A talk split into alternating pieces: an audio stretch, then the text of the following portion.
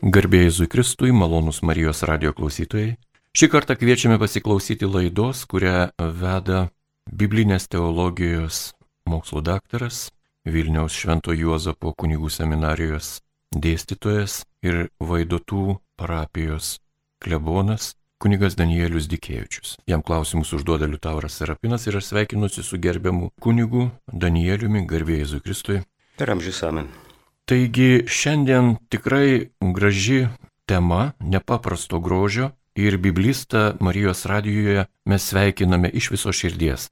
Taigi priminkite, kas yra žinoma apie apaštalą ir evangelistą Joną ir kaip reikia suprasti, kad pirmosios evangelijos yra vadinamos sinoptinėmis, o trečioji evangelija pagal Joną tokia skirtinga. Sveiki malonus klausytojai, ačiū labai už pakvietimą. Su mielu noru dalyvauju tokiuose projektuose ir kartais pritrūksta tokios auditorijos, kuri tikrai tą žodžio prasme rimtai domėsi šventojų raštų. Pats Jonas, tai mes apie jį žinome, aišku, pagrindė iš šventojo rašto, iš naujojo testamento, tai jisai Zebedėjaus sunus, Jokūbo brolis, vienas iš pirmųjų Jėzaus Kristaus mokinių pašauktų ir po to ypatingų būdų tas, kuris vienokiu arba kitokiu būdu dalyvavo įvairiuose tokiuose Jėzaus Kristaus kabutėse kalbant renginiuose, kuriems, kuriuose, pavyzdžiui, kitiems apaštalams nebuvo lemta sudalyvauti, tai čia kaip, pavyzdžiui, Jairo dukros prikelimas arba Jėzaus Kristaus atsimainimas. Tai tam tikrą prasme galėtume pasakyti, kad tarp jo ir Jėzaus Kristaus buvo užsimesgusi tokia ypatinga draugystė. Ir čia jau po to tradicija prideda, kad jisai buvo vienas iš tų apaštalų, kuris mirė savo mirtimi, ne kaip kankinys ir vienas iš paskutiniųjų ir jisai gyvendamas Efeze rūpinosi švenčiausią mergelę Mariją. Tai tokios yra tradicijos pateiktos žinios, kurių mes patikrinti šiame gyvenime, prieš gyvenimą tikrai nebegalime, bet aišku, kai kurie viso to abejoja, bet tos abejonės tik tai skatina paieškai, skatina studijoms ir tam tikrą prasme laukimui tos pilnos tiesos, kuri bus mums apreikšta tik tai gyvenime po gyvenimo.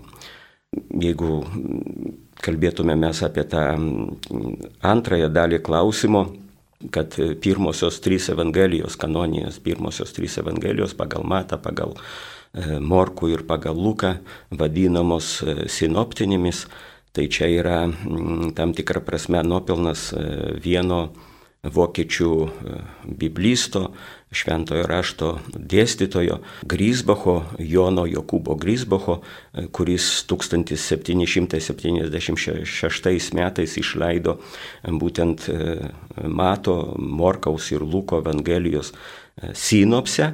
Sinopse pat žodis graikų kalbos reiškintis matyti kartu, apriepti vienu žvilgsniu. Ir kadangi šitos Evangelijos tarpusavėje yra pakankamai panašios, tai vat, susiklostė būtent nuo to laiko toks vat, ir techninis pavadinimas. Nu, kaip sakau, čia yra 18 šimtmečio antroji pusė, 1776 metai. Ir tada vat, būtent atsirado toks techninis pavadinimas, kad šitos trys pirmosios kanoninės evangelijos vadinamos sinoptinėmis evangelijomis. Iš tikrųjų, Grisbachas tai nebuvo pirmasis, kuris pastebėjo tam tikrą prasme, kad vat, šitos trys pirmosios kanoninės evangelijos turi didesnių panašumų, o ketvirtoji išsiskiria.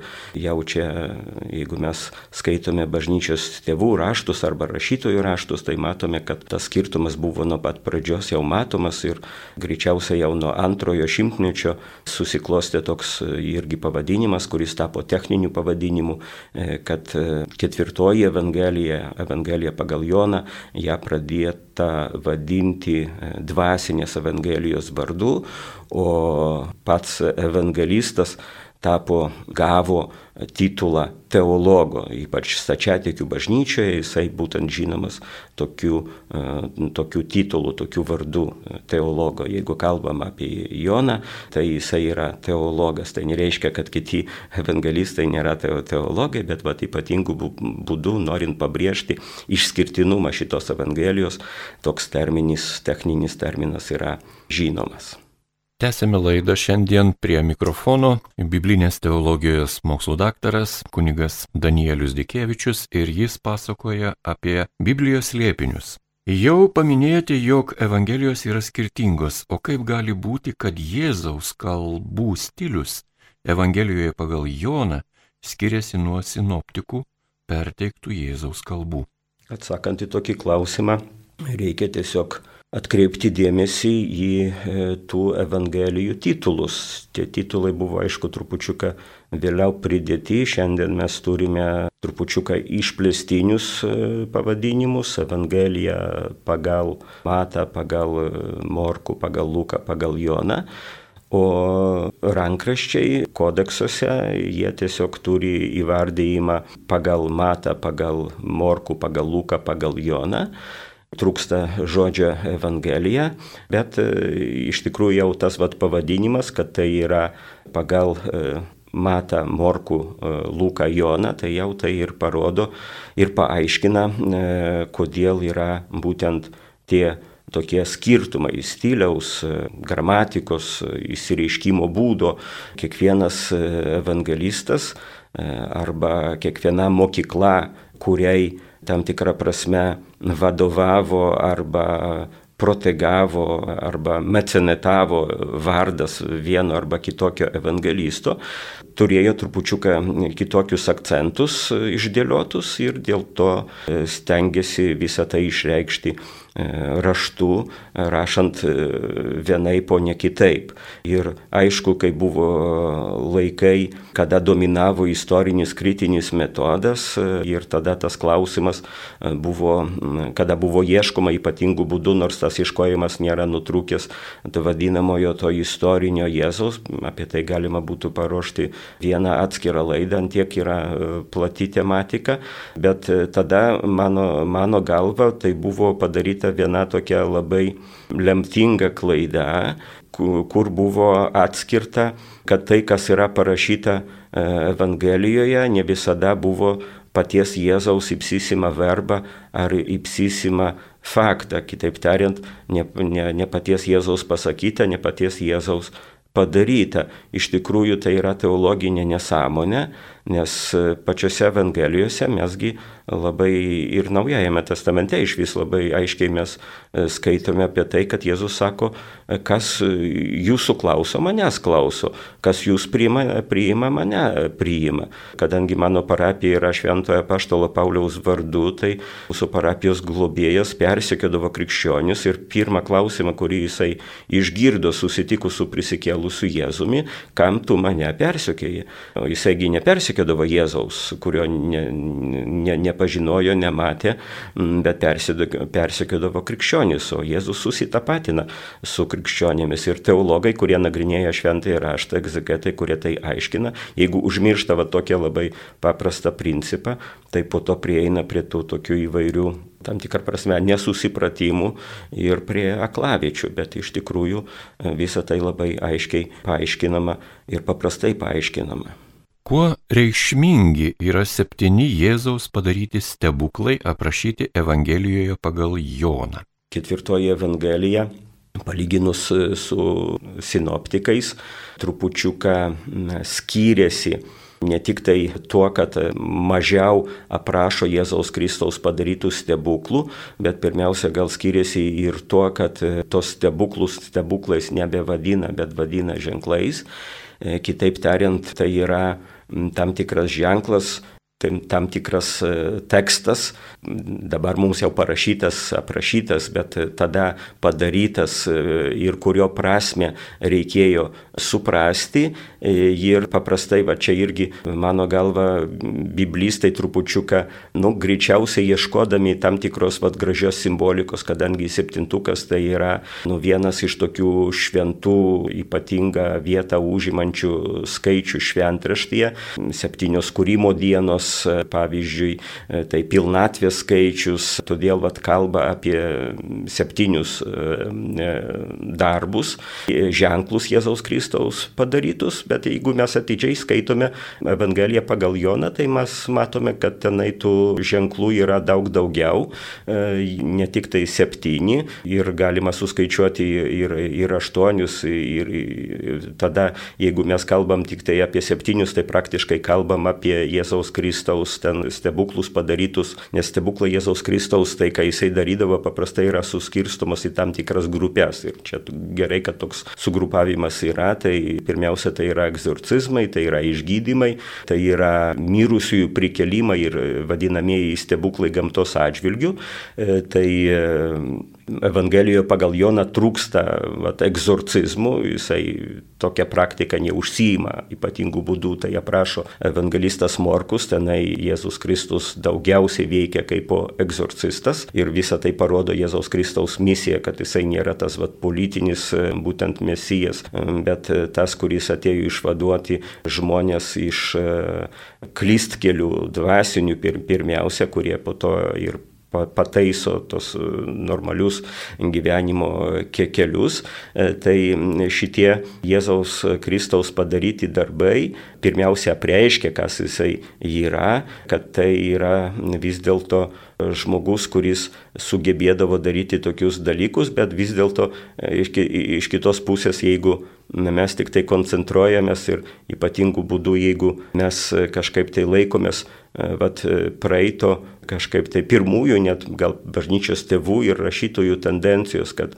stebuklai apreiškia Jėzaus Kristaus dieviškumą, ypatingą jo tokią iš, išrinkimą.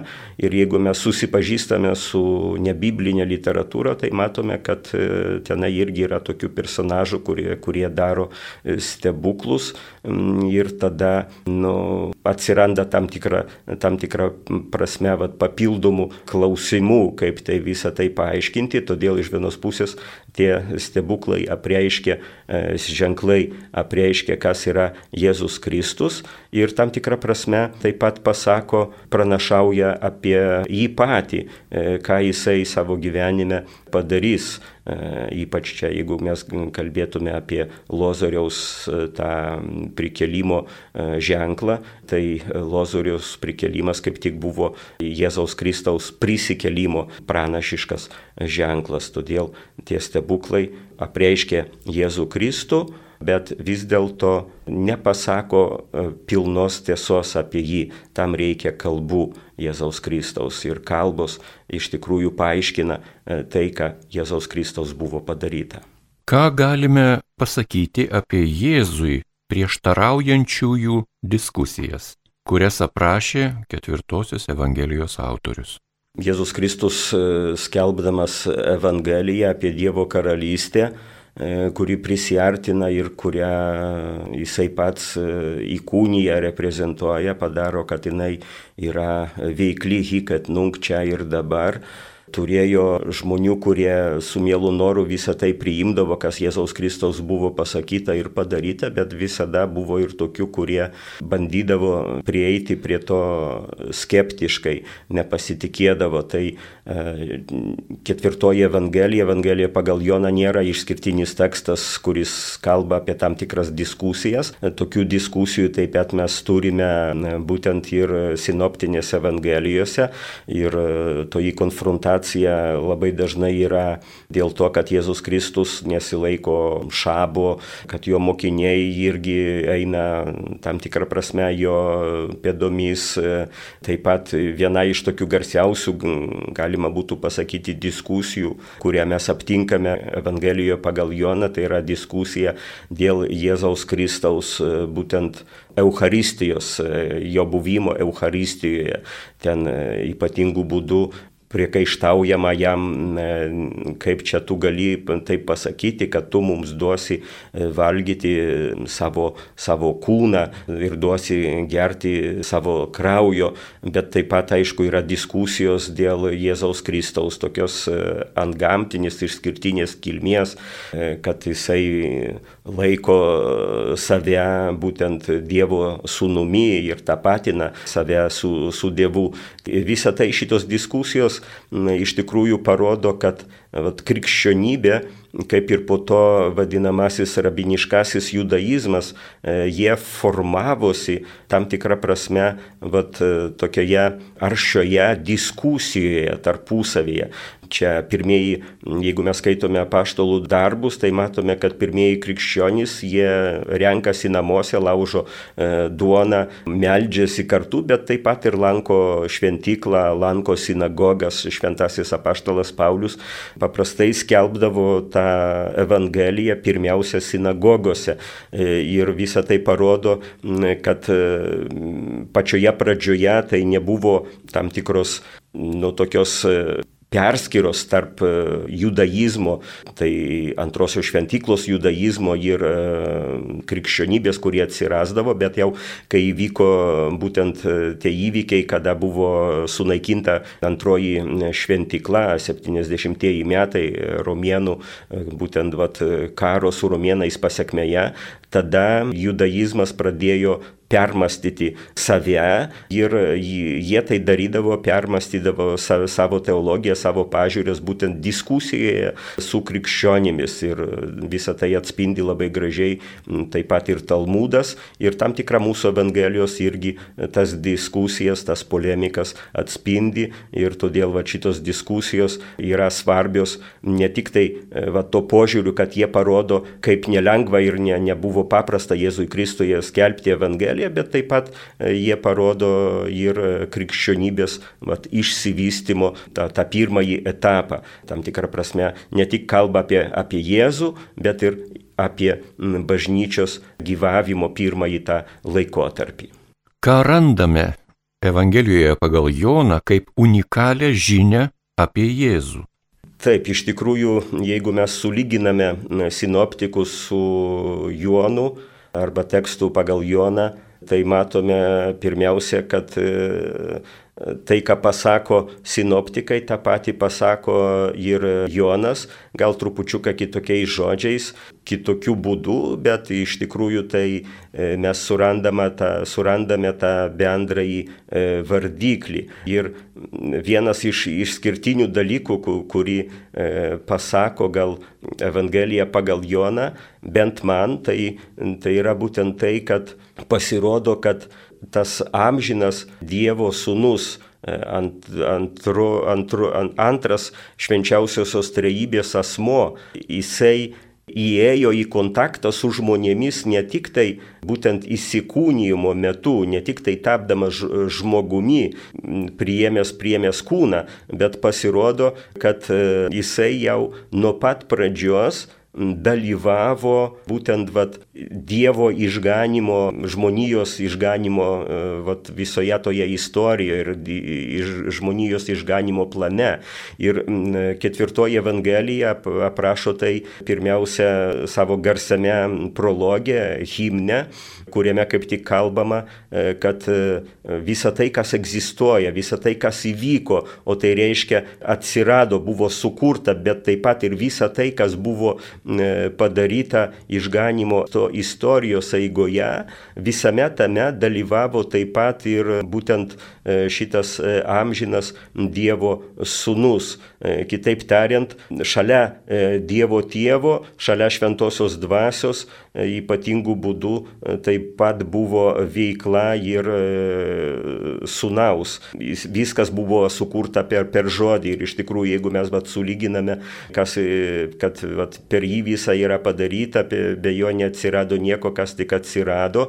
Ir iš tikrųjų, jeigu mes vat, sulyginam vat, šitą tekstą su to, kas yra pasakyta apie pasaulio sukūrimą, tai mes matome, kad tenai vat, Dievas įvairiais būdais veikia, bet vienas iš ir pagrindinis jo veikimo būdas, tai būtent tas va tariamas jo žodis. Ir va, sakyčiau, va Jono Evangelija kaip tik va, bent man, va, pa, pa, tai yra išskirtinis šitos ketvirtos Evangelijos ženklas, kad Jėzus Kristus nepradėjo, amžinas Dievo Sūnus nepradėjo tik tai veikti Naujajame testamente, bet ir jau Senojo testamento laikais ir iš vis dar kai tie laikai nebuvo, nebuvo Senojo testamento, turiu omenyje, nebuvo dar atsiradę ir prasidėję.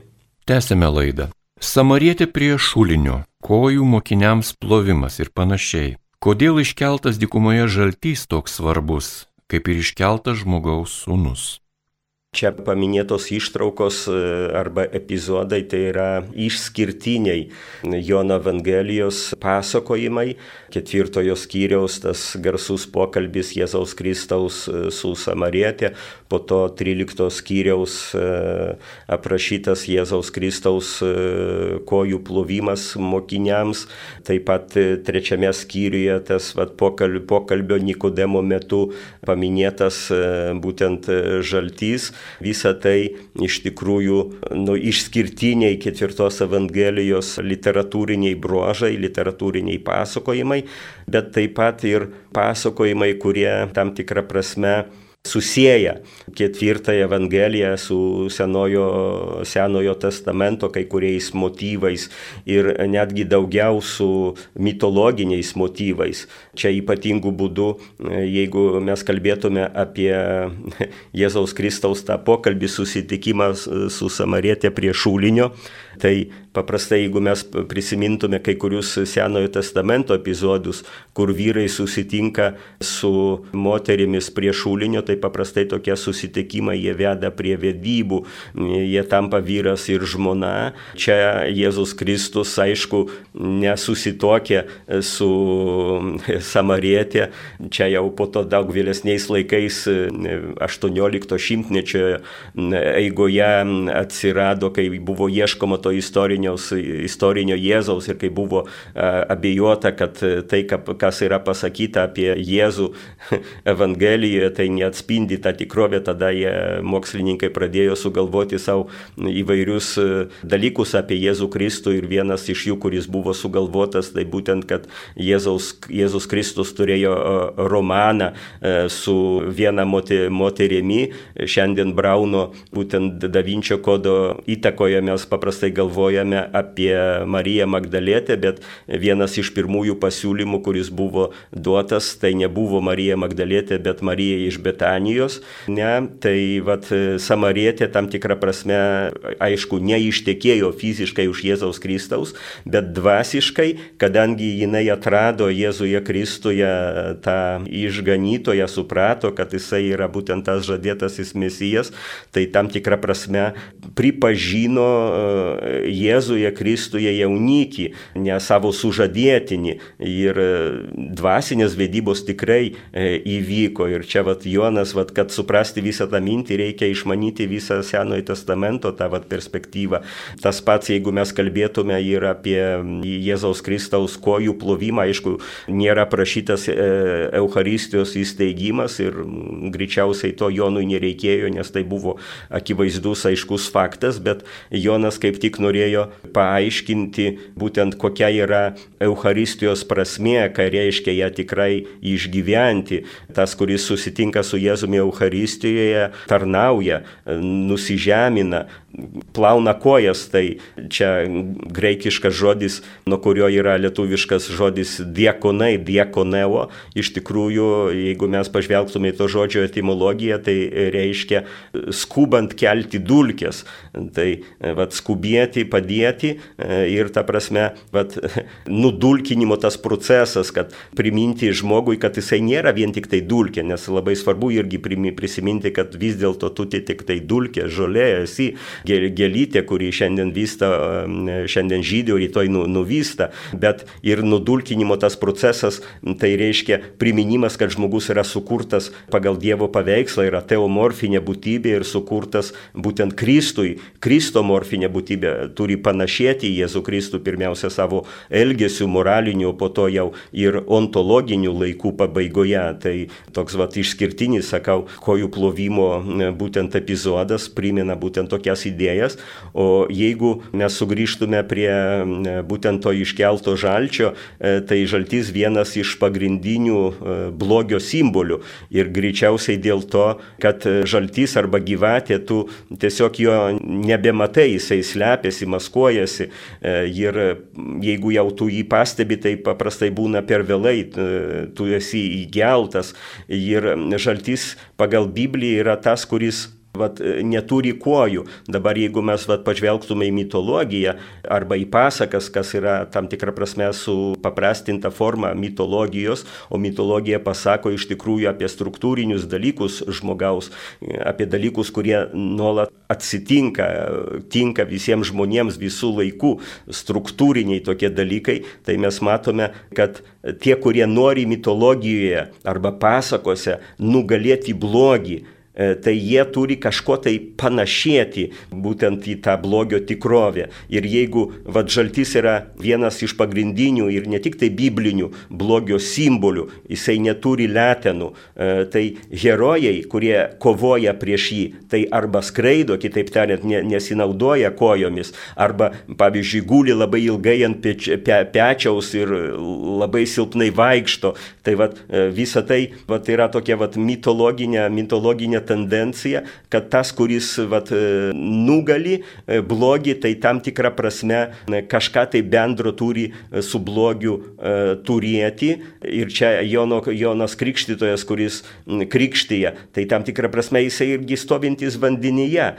Kojų, nu, kojos yra paslėptos. Tai vad vėl, vėlgi ta pati, ta pati idėja. Tai vad nugalėti, nugalėti blogį gali tas, kuris tam tikrą prasme yra supratęs blogį iki e, kaulo smegenų, vat, e, pažinęs jį e, ir tada jisai gali nudurti jį, būtent smug, smaukti, smūgiuoti į tą silpniausią blogio vietą. O kaip geriausiai suprasti Jėzaus kalboje vartojamą vietininko linksnį - manyje, tavyje, būčiau juose ir panašiai? Mūsų vietininko linksnis e, dažnai labai atitinka šventojo rašto, jeigu čia kalbant apie, kadangi mes kalbam apie Naująjį testamentą, taigi graikų kalba tai čia labai dažnai yra datyvas, o datyvas tas biblinis graikų kalbos tai ne, ne vien tik tai išreiškia vietininko linksnį, bet gali reikšti ir mūsų naudininką, e, ir, ir mūsų įnagininką. E, tai tai aišku, pirmiausia, visa tai parodo, kad tas, kuris e, tiki Jėzų Kristų, kuris pripažįsta Jėzų Kristų, seka jo, yra jo mokinys, e, tai tarp mokinio ir e, jo sekėjo atsiranda tokia gili iš tikrųjų draugystė, tam tikrą prasme netgi susitapatinimas apie tai, ką, esu jau iš tikrųjų pasakęs, minėdamas būtent va, tą Damasko vadinamąjį epizodą, kur tiesiog Jėzus Kristus Kristus vat, susitapatina būtent su e, savo mokiniais. Tai vat, tas vietininkas labai dažnai būtent vat, išreiškia e, tokią idėją, kad tas, kuris, vat, e, jeigu kalbėtume mes čia apie Eucharistiją, apie šve, šventos komunijos prieimimą, tai vat, tie žmonės tada antiek susilieja su Jėzumi Kristui, Kristumi, kad Kristus ne mistiniu būdu, bet tikrąją tą žodžio prasme, fizinę, ontologinę prasme apsigyvena tose žmonėse ir su jais susitapatina ir tada, jeigu jau e, įnagininko prasme mes čia išvelgtume, tokie žmonės būtent e, ne tik tai gyvena su Jėzumi ir Jėzus gyvena ne tik tai juose, bet ir dėl Jėzaus jie gyvena ir Jėzui jie gyvena ir e, tą, tą patį padaro ir Jėzus ne tik tai juose, bet ir jiems ir per juos toliau egzistuoja. Tai čia labai svarbu ne tik tai būtent kalbėti, kad Jėzus apsigyvena žmonėse, bet ir kad Jėzus toliau būna istorijoje, būtent tokio vat, susivienijimo glaudaus teologinio, ontologinio susivienijimo su tikinčiaisiais. Kokie simboliai Jono raštuose labiausiai atkreipia klausytojų dėmesį? Ir kokia tema ar klausimas iš Jono Evangelijos jums, kaip biblistui, yra įdomiausias arba kelia daugiausia klausimų? Na, vienas iš e, tokių, sakyčiau, pagrindinių simbolių, jeigu kalbėtume mes apie Jono Evangeliją, E, arba kalbant tada jau paties evangelisto kalba ženklų, tai aišku yra kano vestuvės, e, tas vat, stebuklas padarytas gamtos atžvilgių, bet po to iš tikrųjų ir šventyklos išvalymo e, vadinamasis ženklas, visa tai ypatingų būdų vat, kaip tik parodo, kad štai praeina Senojo testamento laikai, baigėsi antrosios Jeruzalės Jeruzalės šventyklo laikai ir e, prasideda Naujojo testamento laikai ir tai bus laikai, kada e, Jeruzalės šventyklos, e, kuri buvo ypatingų būtent Dievo buvimo ženklų, jau nebereikės. Pats Jėzus, kuris yra įsikūnijęs, tapo žmogumi, kaip Jonas Evangelistas rašo, jisai pastatė tą palapinę, tai tapo būtent šventovė ir susitikimo vieta su Jėzumi, kaip su Dievu yra kaip tik pats Jėzus Kristus, tikėjimas, prieimimas jo. Ir jeigu anais laikais, Senojo testamento laikais, Dievo garbinimas buvo pririštas prie tam tikros vietos, jeigu mes prisimenam, pavyzdžiui, Siraną Amaną, kuris ateina pasigydyti ir po to nori būti išpažinėjų Jahvės Senojo testamento Dievo, tai jisai prašo žemės, kad jisai galėtų pasistatydinti savo tam tikrą bent mažą šventovę ir va, tokiu būdu garbinti Dievą, kadangi Dievo garbinimas buvo pririštas prie tam tikros vietos ir teritorijos. Ta, tą patį aptinkame mes tame pokalbėje e, su Samarietė Jėzaus Kristaus, kur diskutuojama, kur galima tą Dievą garbinti. Tai Jėzus sako, ateis laikais, kada Dievo garbinimas nebus pririštas prie tam tikros vienos vietos, kad jisai bus prie, praktiškai prieinamas visur ir visose. Ne, tai, vat, tai bent man tai vienas iš pagrindinių tokių vat, simbolių, ženklų ketvirtosios e, Evangelijos. O vienas iš tokių dalykų, kurį mm, reikėtų kažkaip tai, vat, kas man ypatingų būdų rūpi ir dėja mūsų vertimai to e, kol kas neatspindi, e, tai e, vat, Jono Evangelijos iš tikrųjų pradžia, kad pradžioje buvo žodis ir paprastai mes esame pripratę prie teksto, kur yra sakoma, kad Dievas, tas žodis buvo pas Dievą. Iš tikrųjų, graikiškas tekstas nekalba apie buvimą pas Dievą, bet kalba apie tai, kad tas žodis buvo į Dievą, trūksta veiksmažodžio, nukreiptas, atgriežtas, tai gyveno santykėje su Dievu tėvu. Čia jau vat, vienas iš dalykų, kurį, kuris čia turėtų būti kažkaip tai vat, taisytinas, atkreiptas, nes iš to nu, išsivysto, iš, išsirituliuoja taip pat vat, tokios labai gilios teologinės mintis. Laida jau artėja į pabaigą, bet e, klausimų tikrai, kalbant apie Evangeliją pagal Šventą Joną, yra tiek daug, jog iš tikrųjų gerbiamas kunigė Danieliau šioje laidoje nespėsime apriepti. Taigi pabaigai dar vienas klausimas. Kaip reikėtų suprasti Jono raštų autorystę, kai tiek Evangelija pagal Joną, tiek Jonų laiškai, tiek apreiškimo Jonui knyga savo stiliumi yra tokie skirtingi veikalai. Iš tikrųjų, kai mes kalbame apie Jono raštus, tai mes čia susidurime su trimis literatūriniais žanrais. Tai yra Evangelija, Evangelija pagal Joną reprezentuoja šitą žanrą, po to mes turime laiškus, pirmąjį, antrąjį ir trečiąjį Jono, e, tai Naujasis testamentas taip pat sudarytas irgi iš laiškų. Ir turime vieną išskirtinį literatūrinį žanrą, tai būtent apreiškimą